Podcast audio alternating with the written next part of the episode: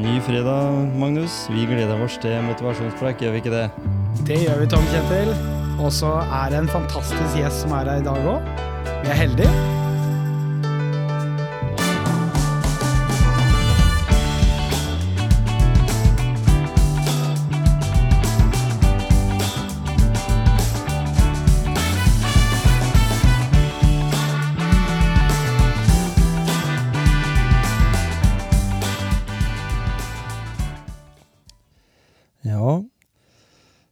Dagens eh, motivasjonspreik er på lufta.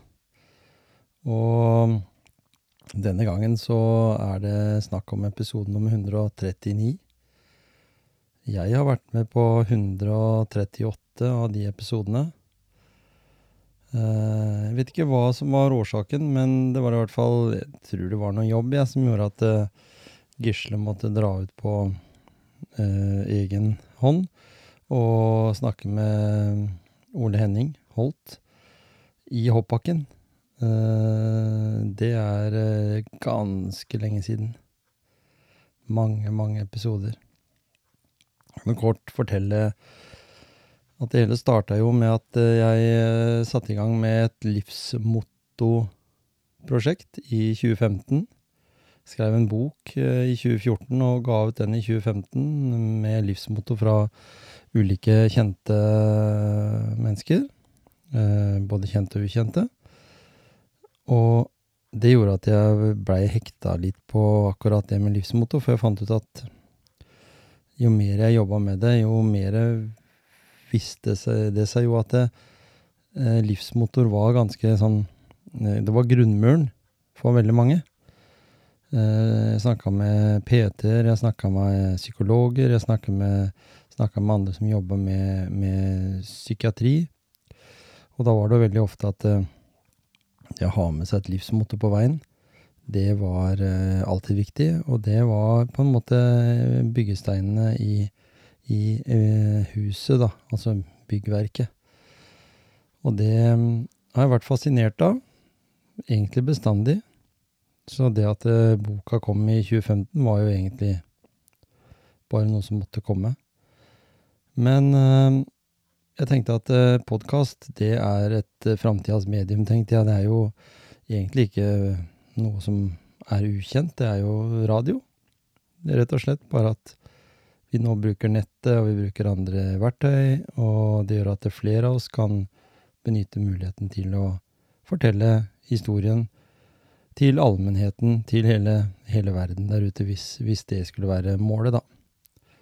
Så jeg eh, eh, starta med Livsmotto-podkast. Og det var på enkleste mulig måte. Det er det som jeg kaller for EasyPod i dag. Det er liksom å ha med seg en telefon og, og en mikrofon, og det er alt. Du tar opp det som blir sagt rundt bordet, og så får du en uh, fortelling rundt det, da. Og jeg intervjua flere, faktisk. Jeg tror faktisk jeg hadde en ti-tolv episoder. Før jeg da satt ute på Heistad. Det her eh, Vi snakker om eh, 20 vi, vi snakker om før pandemien, faktisk. Vi snakker om vinteren. Eh, det var vel i 2020. Eh, og noen uker før eh, 12. mars, var det vel, så var jeg hjemme hos Gisle Johnsen, og vi satt og prata, og vi hadde jo kjent hverandre litt sånn, hilst på hverandre, møtt hverandre i ulike sammenheng, og visste jo hvem vi var, eller hvem hverandre var. Men um, det var liksom, ja, vi satt og prata, og det gikk timer på timer.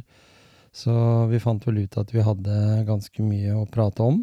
Ganske mye like tanker rundt det med motivasjon, og, og det med hvor- effektiv det å være aktiv var. Så jeg eh, kasta jo ut en ball eh, til meg allerede der, at eh, vi skulle lage en podkast sammen, og Gisle han Wow, nei. Too much for han akkurat da. Men så gikk det seg til, og i august 2020, midt under pandemien, eh, satte vi i gang første episode med For vårs, da. Eh, det å komme og snakke med Ingrid Kristiansen, for eksempel. Det er veldig spennende. En person som har en utrolig kompetanse på sitt område, og hadde gode meritter, og det var en flying start for oss. Men um, her i dag, da, så sitter jeg da 130 39. episoden jeg i dag spiller inn, uten noen i studio, helt aleine. Og på den tida så har det jo skjedd eh, saker og ting. For dere som har hørt på podkasten vår, i, altså da de 138 andre episodene, så har de jo hørt at uh, Gisle har tatt en liten pause. Han har uh, blitt syk. Det har vi også hatt en egen podkast om så det skal jeg ikke gå noe særlig eh, dypere inn på. Og jeg har hatt med meg Magnus, som jeg pleier å si til de, de som kommer her og er med på en prat, så er det at han driver i dagligvarebransjen. Han er kjøpmann. Eh, veldig arbeidsbelastende, det. Jeg vet jo alt om hva det vil si å, å drive butikk. Det blir et livsverk, det. Det er liv, livet eh, bygges rundt jobben. Så Magnus har vært med på noen. Men eh, jeg vil da si at jeg har vært med på 138 av de 139 episodene. Og 140. episode, den eh, kommer den neste uke. Og framover nå så er målet å, å komme opp imot 200 episoder. Og det Det er faktisk ganske bra. Mange mennesker vi har snakka med. Og jeg har jo fått uh, muligheten til å snakke med veldig mange mennesker om motivasjon. Men jeg har lyst til å spole tida tilbake. Jeg har lyst til å spole tida 50 år tilbake, faktisk. Spole tida tilbake til uh, begynnelsen av 70-tallet. Når uh, jeg fikk mine første erfaringer med båtlivet. Jeg hadde en bestefar som var veldig glad, bestepappa som jeg kalte den, da, var veldig glad i båt. Og spille kort, og glad i øl. Jeg er ikke spesielt glad i å spille kort, men jeg er glad i øl, og jeg liker båtlivet. Men eh, i hvert fall så lærte han meg utrolig mye. Og jeg må vel si at eh, den tida når jeg blei introdusert for eh, gråten den gangen, eh, når vi var på besøk hos bestepappa og, og mormor, så var vi liksom Så blei vi kjent med noen av de der nede, da. Gråten var jo et, eh, på den tida et ganske så slitent sted. Det var eh, hus som trengte definitivt oppussing, og det var litt industri ned mot kaia, og det var en egen båtforening som lå midt i, i boligfeltet.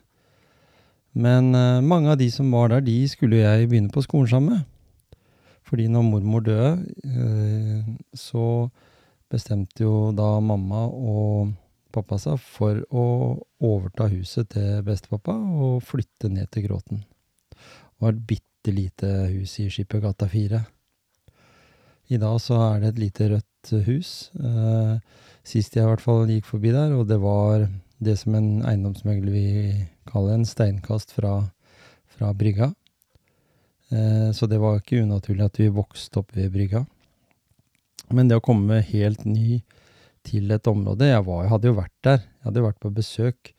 Men eh, stort sett så reiste vi jo der, på somrene i hvert fall, så reiste vi fra eh, Gråten og ut til Løvøya utafor Brevik. Som uh, da bestepappa og mormor hadde hytte.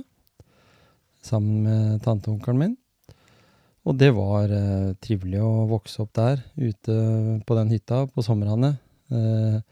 lære å fiske krabber, ut og fiske, kjøre båt, svømme, dykke, gjøre alle de tinga der som på en måte var, var veldig ålreit. Og jeg hadde jo en bror, Stian, som var to og et halvt år yngre, men han, eh, han var jo av den typen som var høyt og lavt, så han var vel ikke egentlig eh, skolert for å være med på den hytteturen, tror jeg. I hvert fall ikke på alle turene. Men eh, i hvert fall, jeg skal ikke gå sånn utrolig i detalj, men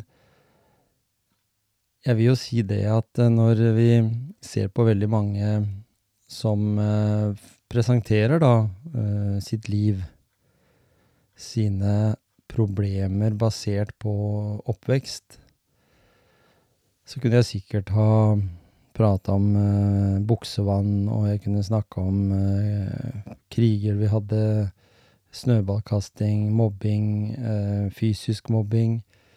Men i utgangspunktet så, selv om hvis du ser på klassebildet fra første klasse for min, så var jeg definitivt en av de aller minste. En liten pjert. Som eh, eller for så vidt hadde alle utfordringer som vi da snakker om at en kan få eh, bivirkninger av, sånn seinere i livet. Men jeg kan ikke si at eh, jeg eh, føler det egentlig, fordi ja, jeg kan helt sikkert ha blitt utsatt for mobbing, men jeg hadde én klar fordel, og det var at jeg løp. Og, og da er ikke noe snakk om sånn løping, men kanskje litt sånn som som uh, i, i, i, den her uh, Tom Hanks, denne filmen, der han uh, løper fra problemene. Jeg gjorde vel egentlig ikke det, men jeg var rask. Og jeg likte å være med i det som skjedde. Og da var det naturlig også at du ble blanda inn i, i, saker og ting, men, men, det var liksom det som var oppveksten i gråten. Så når skolen kom, så ja, var allerede begynt å bli kjent med noen i gata, blant annet Bent, som var liksom kameraten min fra i hvert fall begynte i første klasse. Han var eh, opptatt av jenter, det var jo ikke jeg. Uh, så han uh, husker jeg fra første skole da, så var det første han gjorde, det var at han gikk bort og kyssa jentene på kinnet. Og var liksom skikkelig på. Uh, mens jeg var beskjeden, sto bakerst. Satt bakerst i klasserommet og var av den, den, typen der. Men veldig mange av de som vokste opp da i Gråten og Hjemsområdet, de begynte enten på Odd, eller de begynte på Hercules. Og den gjengen jeg var med, vi begynte på Hercules. Det var fotball, friidrett, det var ski på vinteren, det var, var um, skøyter, det var alt som, som måtte til. Men men det som jeg husker spesielt godt, det var det derre samholdet vi hadde. Det blei jo ut av noen av de i gata, så blei det jo syklister av det noen. Det blei eh, Ja, jeg kunne ramse opp masse, men det, det, det på en måte Det var veldig ulik oppvekst. Men det var en harmoni. Eh, det var en forståelse. Det var en sånn blant eh, Som Gro Harlem Brundtland sagt, det var liksom Nabokona fulgte med. Det var uh, aldri noen som jeg i hvert fall husker, som fra brygga der vi lekte i den strie strømmen og den kloakken uh, som drukna. Det var noen som datt uti, men det var aldri noen som blei drept eller død av det, da.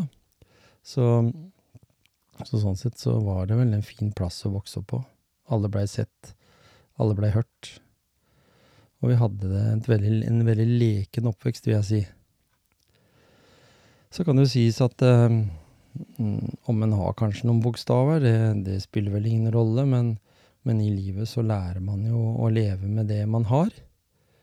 Og det vil jeg jo si eh, til mange, da. Eh, hvis, hvis en skal si at jeg skal svare på noen av de spørsmålene jeg sjøl har stilt i, i 138 episoder i, i Motivasjonspreik, så vil jeg jo si det at det, det som har inspirert meg og vært mitt klare for, forbilde, det er jo bestepappa, da. Bestefaren min, som, som var den uh, For dere som uh, Jeg ser akkurat bort på det nå, for her på, på uh, i studio og, og i rommet som jeg spiller inn podkast, så har jeg et bilde på veggen av losen, eller av fiskeren, som også noen sier. En mann med litt skjegg og pipe, og sydvest. Det er uh, den klare bildet av bestefaren min når jeg satt foran i, i baugen på, på, båten, og vi kjørte ut til Løvøya. Han satt bak uh, og styrte med påhengeren. Um, så var det det bildet jeg har av han. Det bildet han satt og spilte kort med pipa, og Vi hadde jo ikke dataspill, så den beste fritidsbeskjeftigelsen jeg hadde på hytta, det var jo å rense pipa. Pipe, piperenser og, og alt som var med. Så det var, små, små gleder. Eh, men det å få det en, en person som bestefaren min eh, For dere som har lest boka mi, da, 100 mm, livsmotto fra kjente og ukjente, så, så, legge, så, så sier jeg litt om det. At uh, han hadde liksom en sånn veldig avslappa forhold til alt. Han tålte å få kjeft av mormor uh, fordi han var litt lat. Og jeg tror at latskap, det er viktig. Spesielt, altså Kanskje på 70-80-tallet så, så, var det viktig å ikke være for lat. Men, men, i dag så er det viktig, tror jeg, å være lat. Så min inspirasjon til den jeg er i dag, det vil jeg si er via bestefaren min. Så kan jo noen si at ja, men herregud, da. Han, han var jo på en måte litt lat. Han var ikke den første som skrapa veggen på huset og han var heller ikke den første som ble ferdig med båten, men det var alltid ferdig når den skulle på, på vannet. Han var god i fotball.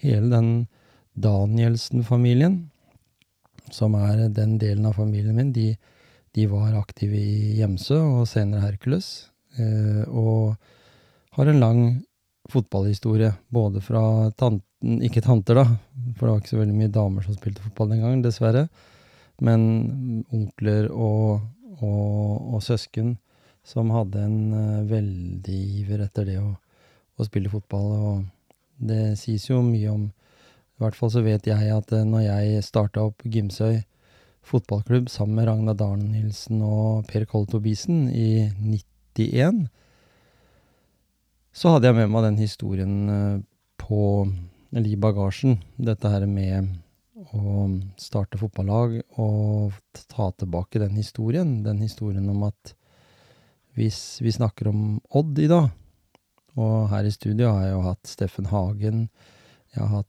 vi har hatt uh, Håndlykken, vi har hatt uh, flere andre også, uh, fotballrelaterte. Uh, Gunnarsson, for eksempel, snakka mye fotball. Nordnes. og vi har jo liksom på en måte fått landa dette her med at uh, fotballen hadde en betydning. Og Odd møtte Gimsøy, som var mitt uh, lag, i 1940. Riktignok krigsåret, men i 1940, og blei slått 3-1 av Gimsøy ute på Gjemsø. Eh, og Odd har bare vunnet NM én gang etter det. Én gang. Og dette var Norgesmesterskapet som Odd eh, tapte 3-1 over, over Gjemsø. Det er sånn artig greie å ha med seg på veien, da. Men jeg vil i hvert fall si at eh, min motivasjon gjennom livet, da Jeg kan jo ikke være her i en egen episode om den som jeg nå skal fortelle litt om, altså hva som gjør at jeg har vært så ivrig med å bygge opp motivasjonspreik. Dette med å skrive bok om eh, livsmotto eh, gjør at en har på en måte en motivasjon i det å bidra. Det å være en del av noe. Det å, å bli motivert av det andre gjør, av enkle ting. Og jeg vil jo ikke si det at det, det, har, det har ikke vært noe nedtur i, i podkasten vår noen gang. Jo, kanskje én gang. Gisle, vi syns vi kom litt kleint ut av det jo på Olympiatoppen en gang i en tidligere episode. Det bare å spole tilbake og leite etter Else Marte Sørli. Da syns vi vi kom litt kleint ut, men det var midt under pandemien. Det var strenge regler for avstander. Det var det, jeg husker vi satt i et møterom der, det var kjempesvære avstander og snakka eh, med en eh, håndballspiller som har vært kaptein på det norske landslaget, til og med. Eh, og vi følte jo at vi sleit litt.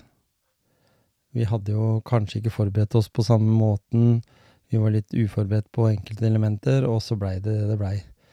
Det som på en måte gjorde den dagen fullkommen, var jo når vi møtte Arne Hjeltnes etter dette. Og fikk landa, og fikk møte den Arne Hjeltnes som vi kjenner fra TV 2, med den energien og den på en måte praten som vi hadde da. Det gjorde at vi glemte egentlig den eh, praten vi hadde hatt før. Så, så, det å dra på turné, det er like slitsomt som å dra på turné i forhold til å, å bidra sånn idrettsmessig. Men i hvert fall det som motiverer meg, det må jeg si, det er å se mennesker bli glade av å snakke om ting. Altså snakke om livet sitt. Jeg syns veldig mange ute i media nå snakker om negative ting. Det er liksom krig, det er fattigdom, eh, det er høye strømpriser, det er dyrt drivstoff. Vi velger jo veldig mye av det sjøl. Jeg mener jo at eh, vi behøver ikke å bruke diesel og bensin eh, så lenge det fins muligheter til å, å, bruke andre framkomstmiddel, hvis en tenker sånn. En behøver ikke å dra til utlandet hvis en ikke har pengene. En kan gjøre veldig mye bra her hjemme òg, men i hvert fall så, så føler jeg at det å eh, få den motivasjonen fra andre, det har gitt meg veldig mye. Og jeg kan godt sikkert svare på vegne av Gisle og Magnus òg, som også har vært med på podkast, at, at, det å, å, snakke med andre mennesker og se den gløden de har i øynene når de snakker om sin motivasjon, sitt livsverk, sine eh, gode opplevelser, så, så, skjønner jeg egentlig ikke hvordan det er mulig å snakke om negative ting hele tida.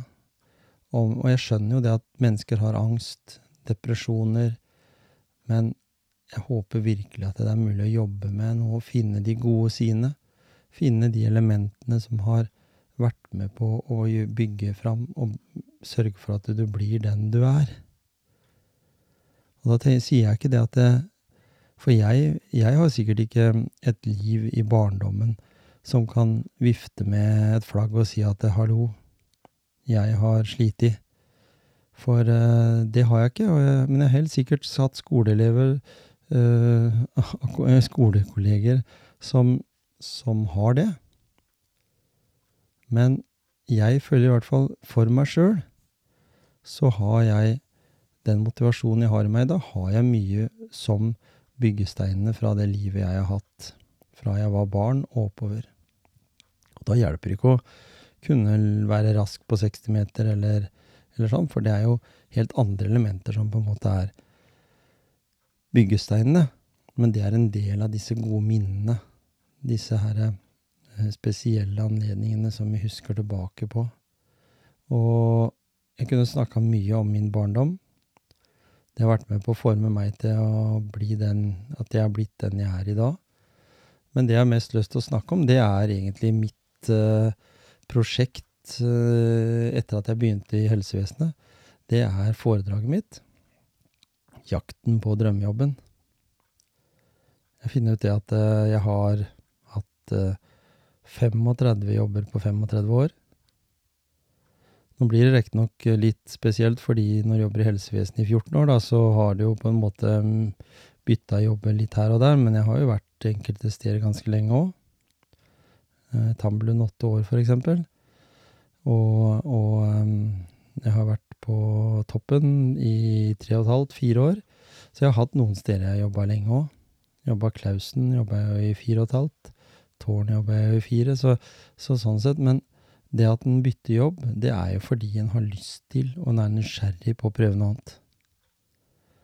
Og jeg må innrømme det at veldig mange de låser seg fast. De er redde for å bytte jobb. De er engstelige, de er mer opptatt av at de har veldig, veldig gode kolleger, eh, enn om de mestrer jobben sin. Og jeg har hatt mange fantastiske kolleger opp igjennom spesielt mange på sykehuset, mange i helsevesenet, som er enormt øh, flotte mennesker og veldig ålreite å jobbe med.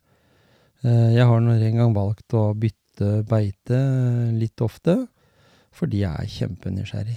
Jeg har lyst til å jobbe med alt. Jeg har lyst til å prøve alt. Og det har jeg alltid hatt i meg, egentlig. Så det er på en måte en bivirkning med det å vokse opp i gråten på begynnelsen av 70-tallet. Og, og tenke at du har eh, hatt et liv eh, som eh, har gjort det, det og, og sørge for at jeg blir den jeg er i dag. Så vil noen sikkert si at eh, herregud, han dusten der som holder på med podkast og med altfor mange ting, egentlig. Jeg gjør jo det. Eh, får jo høre det i hvert fall innimellom, at en holder på med altfor mange ting. Men jeg mener jo det at eh, dette her er en katalysator for å kunne mestre den hverdagen en har. Eh, mestre de jobbene en har. Kunne stå i det. Ha evnen til, hvis en ikke har fysiske eller psykiske begrensninger, selvsagt, stå i den situasjonen en er. Min gode venn Gisle er et veldig godt eksempel. Han har jo sine problemer. Han liker ikke heis. Han må tisse med døra oppe når han er på offentlige toaletter. Han vil helst stå bak en busk. Og hvem liker ikke det? Men han kan eh, sette utfor på ski, ut eh, bakker à la Holmenkollen. Eh, I hvert fall eh, ganske heftige bakker. Han kan være med i en triatlon på Hawaii f.eks. med løping, eller svømming, løping og sykling. Og for oss andre da, så ville det vært helt utenkelig. Jeg bare kjenner at jeg blir skjelven. Jeg bare tenker etter. Altså bare det å sette utfor en hoppbakke for meg ville vært helt utenkelig. Selv om jeg tenker bakerst inni hodet mitt at det, det hadde vært litt kult òg. Du kan jo ikke annet enn dette og slå av. Men jeg er liksom ikke helt der. Så, så det at vi har ulike elementer som gjør at vi på en måte har bekymringer, at vi er engstelige, det er jo helt naturlige ting i et menneskes liv. Sånne ting. Dette er ur, urting, hvis vi skal skrive på den måten. Og det var Ja. Uh, men det har liksom skapt den personen jeg er. Eh, det at jeg har fått snakke med så utrolig mange flotte mennesker, bli kjent med så mye mennesker, eh, gjør jo at en eh, blir litt eh, Hva skal jeg si eh, takknemlig. Jeg er jo glad for at en har fått snakke med mennesker og fått grave litt i deres motivasjon, da. Jeg, eh, jeg, tenker at eh, når vi spiller inn en episode i podkast som varer i 40-50-60 minutter, så er det også en del av den samtalen. Det vil si at det, det er jo tid både før og etter her òg. Det er ikke alt som kommer med på tape. Jeg har ett ønske, og jeg kan ikke glemme det. Når jeg skrev boka mi, så hadde jeg bestemt meg for at det var noen jeg definitivt hadde lyst til å ha med, og en av de, det var Jahn Teigen. Og når jeg, etter at boka var gitt ut, og hadde sendt bok til Jan eh, ned til Sverige, så hadde jeg jo bestemt meg for at eh, Jan ville jeg treffe.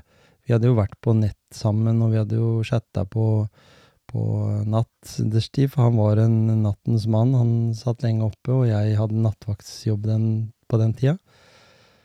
Så vi prata mye sammen på Messenger og sånne ting. Men når jeg kom ned dit, til uh, byen hans, ned til uh, Skåne, og fikk komme inn på klokkegården og sitte i, i hvert fall i to timer den første gangen, og prate med Jan om eh, alt og ingenting. Om musikk, om Primavera, om Jahn Teigen, om eh, politikk, om Norge. Om Norge kontra Sverige. Mange sånne ting. Eh, å møte da en, et menneske som du eh, så veldig opp til og hadde veldig respekt for, og føle at det er, var en, en mann, en gutt, på lik linje med meg, som hadde interesser og, og, som hadde tanker om veldig mye, som ikke kommer fram når du, når du ser den personen som han den gang nå var. øh, på å si hadde gikt, han hadde smerter, han var forkrøpla, egentlig, øh, hvis en skal si det på den måten. men, men hadde en utrolig fin uh, atferd. Et utrolig fint menneske. Så det er vel en av de tingene jeg kanskje aldri kommer til å glemme i mitt liv. Det er de samtalene vi hadde, hadde der. Men det har jo også gitt meg min motivasjon i å tørre å prøve. Aldri være redd for å oppsøke mennesker jeg har lyst til å snakke med. Og alle dere som har vært med i podkasten min, da, i episodene, har vært, alle sammen har vært like verdifulle. Fordi det er en liten sånn La oss si at det, hver eneste en av de 139 som vi har hatt med på podkast, har lagt igjen en perle. De har lagt igjen en, la oss si en fysisk perle, da. Det ville vært en ganske full bøtte med perler. Og alle de perlene, de har jeg programmert og la, lagt inn i harddisken her. Så, så så du får på en måte en utrolig god kompetanse på hva som er inspirasjon og motivasjon til ekstremt mange mennesker, fra fotballspillere, fra idrettsutøvere generelt, fra næringslivsledere, fra skuespillere, musikere, sangere um, Ja, alt. Alle har sine elementer, og spesielt de menneskene kanskje som jeg har blitt kjent med, og som jeg har spurt om de har lyst til å prate litt om, om sin motivasjon. da. Eh, og det er flere der ute. Kom, kom til eh, studio. Kom til dette personlige, fine, intime studioet her på Gjemse. Så kan vi prate om din motivasjon. Eh, om det livet som på en måte er viktig å snakke om. Den delen i livet vårt og spesielt nå når vi, som jeg sa i stad, har uh, utfordringer med å få endene til å møtes, hvis en kan kalle det på den måten, så er det så viktig å snakke om. Det er så viktig å finne de små elementene. Disse her eh, ordtaka, for eksempel som Gyri Bekk Solberg sier, uh, 'det er meg det kommer an på'. Det er så viktig. Og det, det, er selvsagt viktig, sånn som Erik Bertan Larsen også sier, med å gønne på, men jeg tror at det, det er ikke bare vinnerkultur vi må bygge, vi må også bygge bredde. For all idrett, all, all aktivitet, bygger på bredde. Og hvis ikke bredden er der, så blir det heller ikke vinnerne eller toppen. Hvis du spør de utøverne som har prestert og levert til både OL og VM-gull, og prestert i tennis og golf og langrenn og fotball og alt, så vil de i all ære til den lag eller foreningen som har backa de opp fra de var unge, små, og de drev med breddeidrett. Så om vi skal bare skape vinnere i samfunnet, så er det sikkert bra, det, men ikke bra nok. Det viktigste er jo å skape bredden, skape forståelse for det at en aktivitet er viktigere enn en inaktivitet. Og det er klart at eh, dere blir jo ikke kjent med meg som person når jeg snakker mye om det jeg brenner for. Men som jeg sier, kort oppsummert, vokst opp på tidlig 70-tall. Gått alle ni åra på skolen på Gjemsø, for der var det bare barne, både barne- og skole. Jeg gikk eh, ett år på tiende fordi jeg var sløv og hadde dårlige karakterer. Jeg gikk tre år på, på Skien videregående uten at jeg oppnådde noe spesielt ut fra det, fordi når jeg dro et år i militæret i Indre Troms, så kom jeg hjem igjen, og da gikk jeg rett ut i arbeidslivet. Og det er der vi kommer inn med jakten på drømmejobben. Det er der disse 35 jobbene mine på 35 år har vært med på å lage det mennesket som sitter her i sofaen på, i studio på Gjemsø og, og snakker om seg sjøl. Herregud. Hvem er det som gidder å høre på det? Jeg håper virkelig at eh, noen syns det er ålreit å høre på òg. Håper ikke at det er, blir en langtekkelig, søvnig greie der vi alltid har snakk om å ha med gjest. Jeg har masse gjester. eh, Flere episoder som kommer framover. Eh, Personer jeg gleder meg veldig til å snakke med. Eh, Og jeg vil presentere det tidsnok når den tida kommer. Allerede på mandag så blir det innspilling til neste fredags episode. Som jeg gleder meg veldig til. Og gjerne kommer en eller annen bonusepisode også. Jeg har noen fotballtrenere som har lyst til å fortelle litt da, du, om, om sin uh, motivasjon. Og jeg har noen andre idrettsutøvere, og faktisk også noen næringslivsledere og et par skuespillere og noen musikere. Så her blir det ikke stopp, vet du. Her skal vi bikke over 200 episoder eh, når den tida kommer. Eh, Det viktigste er jo å grave i den motivasjonen som folk har. Så er det noen som har noe der ute? Noen personer, mennesker, historier? Fantastisk gøy å, å høre disse historiene. Det å høre den motivasjonen. Det å høre de som har slitt i oppveksten sin, men som har funnet seg gode elementer å ta med videre i livet sitt for å bli bedre utgaver av seg sjøl. Det er jeg eh, veldig opptatt av. Ikke den, nødvendigvis den beste utgaven av seg sjøl, men en bedre utgave av seg sjøl. Det er ikke noe, noe problem. Den, det bør ikke være store forandringene som, som gjøres for å, for å skape det. Så håper jeg for dere da, som er interessert i å vite litt mer om jakten på drømmejobben. Foredraget mitt kommer ut i vinter. Altså, det er jo nært forestående. Eh, har allerede hatt noen bookinger på det, så og, og skal presentere det nå fra oktober og november utover. Gleder meg veldig til det. Det er eh, definitivt viktig for mange som ikke greier helt å slippe taket i jobben når du har fri. For fritid Altså, jobben er i utgangspunktet det aller viktigste for oss. Men når vi har en god jobb, og en jobb vi trives i, så blir den fritidselementet blir mye, mye viktigere også. Så det er viktig å ha fritidsaktiviteter, ha hobbies, er utrolig viktig. Jeg eh, gleder meg framover. Jeg må si, eh, om ikke noen har blitt inspirert av det jeg har snakka om nå, så er det bare sånn. Men jeg eh, kunne prata mye mer på inn- og utpust. Jeg kunne hatt mye mer trøkk bak det jeg forteller. Men i utgangspunktet så er det meg. Det er min måte å fortelle livet på hvordan jeg har livet mitt. Med min eh, kjæreste, som jeg har vært sammen med i over 40 år, og, og mine to jenter og to barnebarn, så har jeg, har jeg det perfekt liv. Føler jeg, da. Eh, og så kan dere da bare vente dere, dere der ute. Vi kommer helt sikkert til å bli spurt om å være med.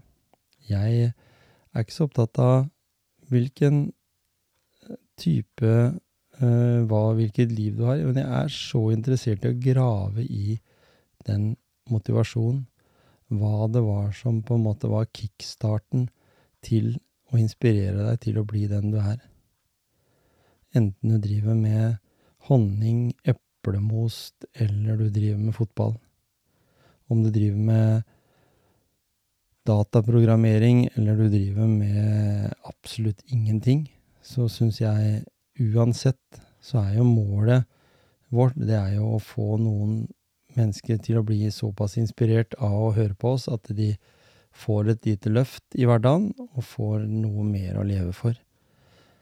Det er det som er målet. Så kan jeg ikke si noe annet enn at uh, takk for meg. Takk for episode nummer 139 som blei en prat eh, fra Tom Kjetil Olsen sitt eh, ståsted. Ingen gjester i studio. Vel, kanskje noen syns det blei litt kjedelig, men eh, jeg håper dere blei litt bedre kjent med meg. Eh, Så er det bare å gå inn på Facebook og, og grave i alt det jeg driver med der. Og til, til min kjære Kjerstis frustrasjon, men allikevel. Eh, sånn er det bare. Jeg må ha eh, påfyll av aktiviteter utenom jobben for å bli en bedre arbeidskar. Sånn er det. Så ha en fin helg.